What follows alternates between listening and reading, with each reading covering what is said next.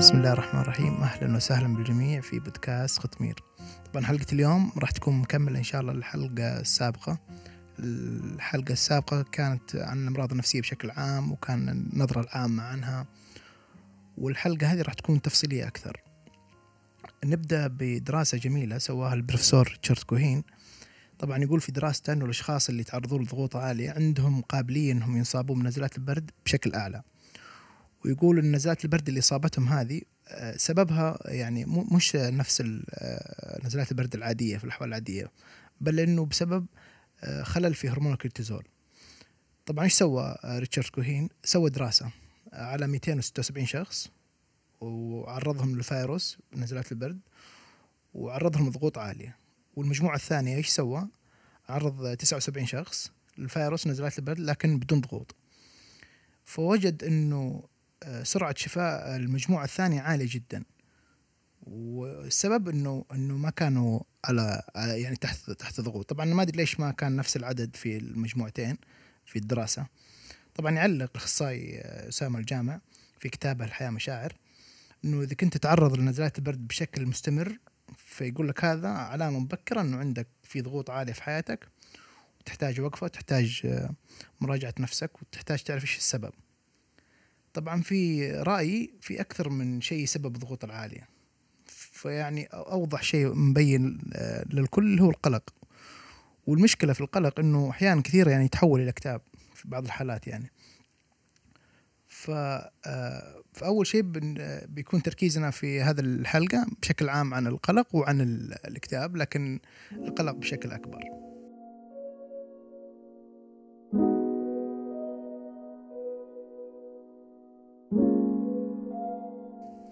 نبدأ بتعريف للقلق. يقول الدكتور خالد الجابر أنه القلق حالة نفسية مبالغ فيها فيها خوف وتفكير وتوتر وأنها تكون في الغالب حول الأحداث والمواقف. ودائما دائما أنه يشعر بعدم الأمان ودائما أنه آه، يتوقع الأسوأ. هذا تعريف دكتور خالد الجابر للقلق. طبعا نجي في شرح جميل للأسباب. الأسباب تشكل القلق عند الإنسان. في شرح للدكتور ديفيد كلارك ويقول إن في ثلاث عناصر رئيسية للقلق. أول شيء اللي هو السيطرة الزائفة إنك تحاول دائما إنك تسيطر. وسبحان الله هذا الشيء يجعل عندك يحفز عندك القلق العالي. السبب الثاني آه، يقول الاعتمادية على نتائج السعي. يعني إنك تحاول دائما إنك الأشياء اللي سعيت فيها إنك تسيطر عليها أو إنك تهرب وتتجنبها. وتاكد يعني يعني ما يكون عندك آه، نسبة بسيطة من الارتياح يعني لازم يكون عندك نسبة عالية من القلق. فيخليك يخلي القلق عندك آه، بمستوى عالي. السبب الثالث اللي يقوله ديفيد كلارك إنه إنه ذهنك دائما مشغول وعندك آه، تفاصيل كثيرة جدا. بتحسون إنه معقد شوية الشرح لكن في شرح أبسط منه الدكتور خالد الجابر وإن شاء الله يكون أبسط في شرحي له. الدكتور خالد جابر يقول إنه أسباب القلق إما اما تكون قناعات سلبية واحد أو تكون أفكار وسلوكيات سلبية. نجي أول شيء للقناعات السلبية، يقول تنتج في الغالب من قابلية جسدية أو ظروف حياتية أو طبيعة نفسية. كيف؟ مثل إنك تتوهم إنه في فائده أصلا إنك لما تقلق أو آه، من القناعات برضو الغريبة يعني مثلا إنه الإنسان الصح أو الصاحي أو الشقردي أو البنت السنعة اختاروا أي واحد فيهم يعجبكم إنه لازم يقلق. طيب من قال كذا؟ ما أدري بس هو كذا لازم يقلق. هذه هذه من القناعات اللي يشرح الدكتور خالد الجابر. آه، يشرح إنها سبب في القلق. نجي على مثال ثاني إنه يا أخي إذا قلقت يا أخي عشان ما تكون حياتي في خطر. هذه من قناعاتي وإنه يكون كل شيء زي ما أبغى أنا وهذا أيضا قناعات برضو خاطئة. وسبحان الله السبب فيها في الأساس إنه آه، إنه ما في يقين أصلا في أمور الدنيا. ما في ما في مستحيل هذا. الشيء شبه مستحيل إنك تكون متيقن 100% في أمور الدنيا. لأنه آه، آه، اعتقادك العام والشكل يعني احاسيسك الداخلية انك انت قلقك العالي هذا راح يسبب إنه يقلل مخاطرك مفهومه خاطئ.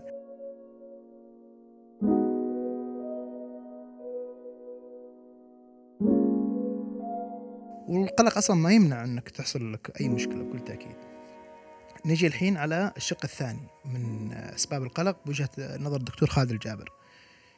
يقول آه، اللي هي طبعا الشق الثاني اللي هو أفكار وسلوكيات سلبيه يقول أول شيء تسويه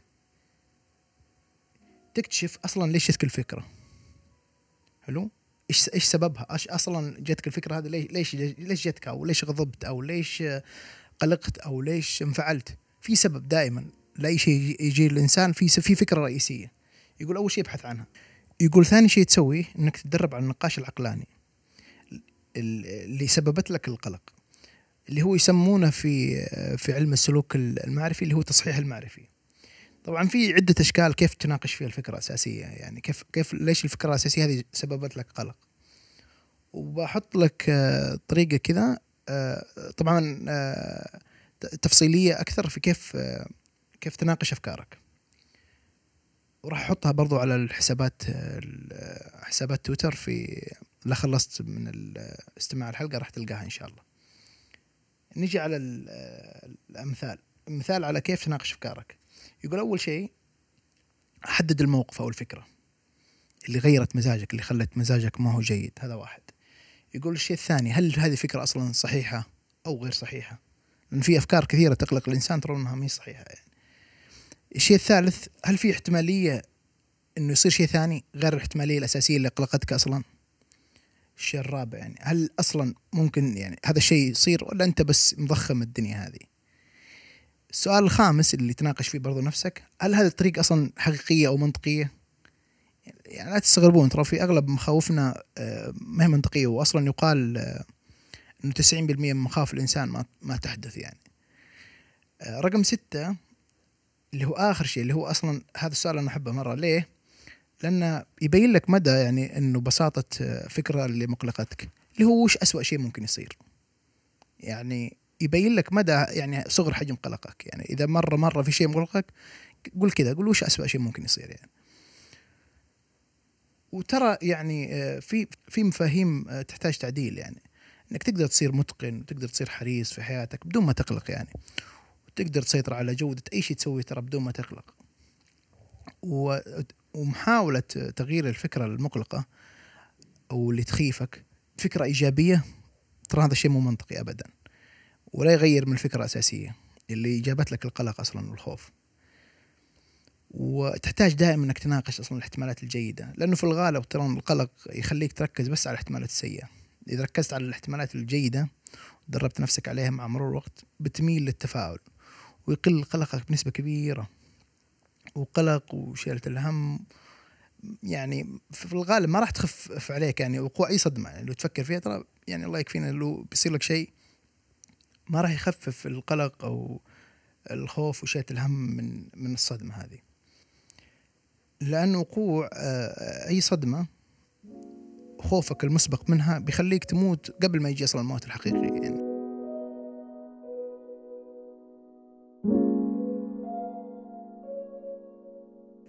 وفي أيضا من الأفكار برضو إنه إنه أصلا في فكرة مجتمعية كذا مبطنة ما هي عند كل الناس إنه القلق يحفزك على الإنجاز. وهذه بشكل بسيط إيوه صحيح. يعني معليش خرعتكم بدايه الحلقة عن عن القلق لكن إيوه في يحتاج الإنسان بس بنسبة بسيطة جدا. والحين بوضح كيف الفكرة إنه في قلق يحفزك يعني. هو الإشكالية إنه القلق بعض الأحيان يزيد عن عن سيطرتك. يعني يصير عالي جدا وتصير في مشكلة حقيقية. أول شيء نحتاج يعني نحتاج نسويه إنه نفرق أصلا بين القلق الطبيعي أو القلق المفيد أو الإيجابي اللي يريحكم والقلق المرضي. إيش الفروق بينهم؟ غالبية الناس ما يقلقون حول الموضوع هذا الشيء اللي انت مقلقك مرة. الشيء الثاني إنه يكون قلقك تحسه مبالغ فيك مرة. الشيء الثالث يعني تحس في صعوبة يعني مرة عالية في إنك توقف هذا القلق. تحس إنه ما تقدر توقفه. هنا تبان إنه في إشكالية. الشيء الرابع إنه قلقك هذا بدون بدون فائده يعني. ما يوصلك نتيجة حقيقية أو حل المشكلة. يعني قلق على قولتهم لأجل القلق فقط يعني. طبعا إذا صنفت قلقك اذا هو طبيعي أو مرضي آه، لا تهرب منه. لا تهرب من القلق أو الاكتئاب. دائما واجه واجهه بالنقاش يعني. لا تخلي حياتك واقفة قائمه كلها على التجنب والهروب من الأشياء من الأشياء كذا اللي تقلقك وتخيفك وتحاول تأخر دائما. وما تدري إيش السبب. يعني في غالبها يعني ما تعرف إيش السبب يعني. هذا هو اللي يحفزك في الأساس اللي هو القلق. ودائما دائما دائما إذا جاك أي إشكالية قلقت منها ركز تركيزك يكون الحل كله على حل المشكلة. ما ما يركز على آه، على المشكلة. يعني يركز على الحل دائما.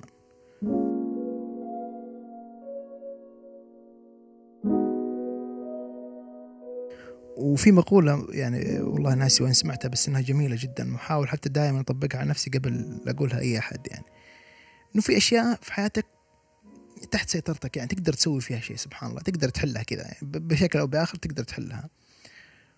وفي أشياء ما تقدر تحل ما هي تحت سيطرتك من الأساس يعني ما تقدر تحلها ولا تقدر تسوي فيها أي شيء. فخلاص إذا تحس إنه في شيء خارج سيطرتك آه، شيله من مخك.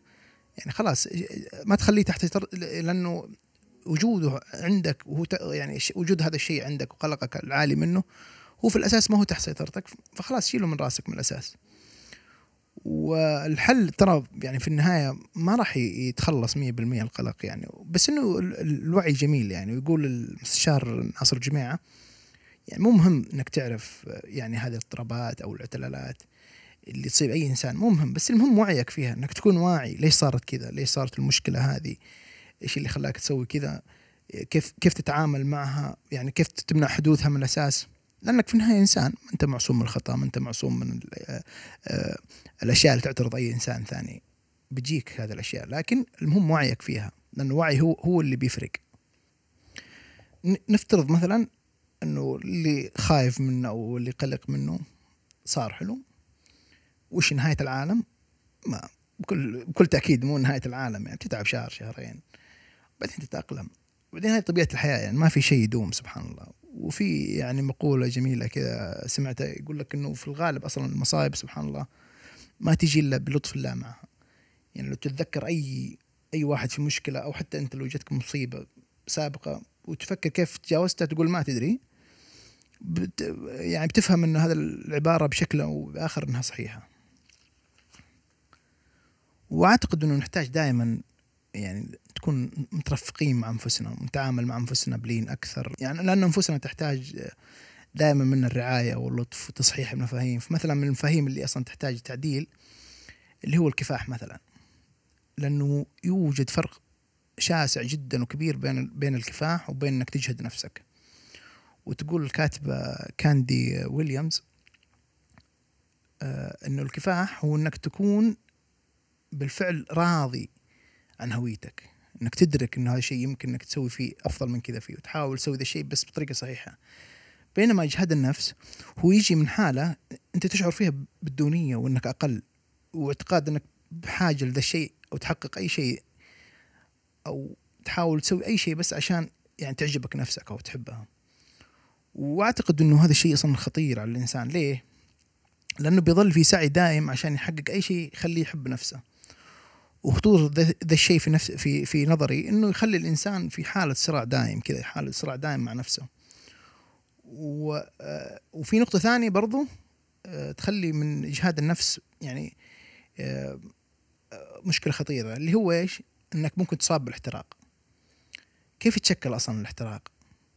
الاحتراق إنك يتشكل كذا من إجهاد نفسك كذا مع عدم الرضا مع عد كذا وبعدها تتألم والألم مش يجيب لك اليأس وخلاص. لما تيأس أصلا تكره نفسك. فشوف كيف كبر الدائرة يعني تبدأ من كفاح بشكل خاطئ ثم شعور دائم بأنك أقل ثم صراع مع النفس ثم احتراق داخلي ثم عدم رضا دائم ثم ألم ثم يأس ثم تصل في النهاية إنه خلاص تكره نفسك لأنك طحت في هذه الدائرة الضخمة.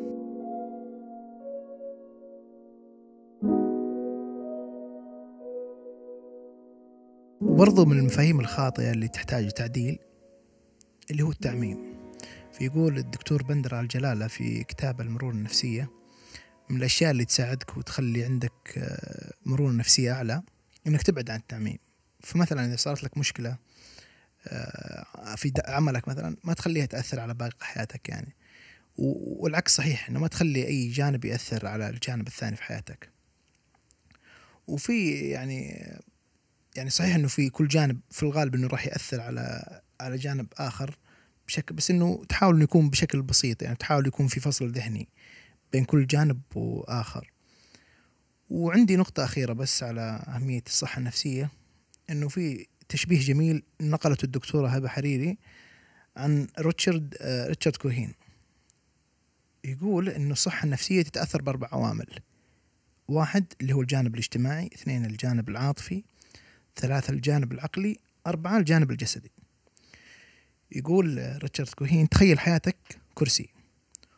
والكرسي هذا له أربع قواعد اللي هو الجانب الاجتماعي واحد والجانب العاطفي والعقلي والجسدي. فإذا تأثرت هذه واحدة من هذه القواعد الأربعة تتأثر حياة الإنسان. يقول يقول في الأخير تخيل إنه هذا الكرسي بدون ظهر. كيف بيكون؟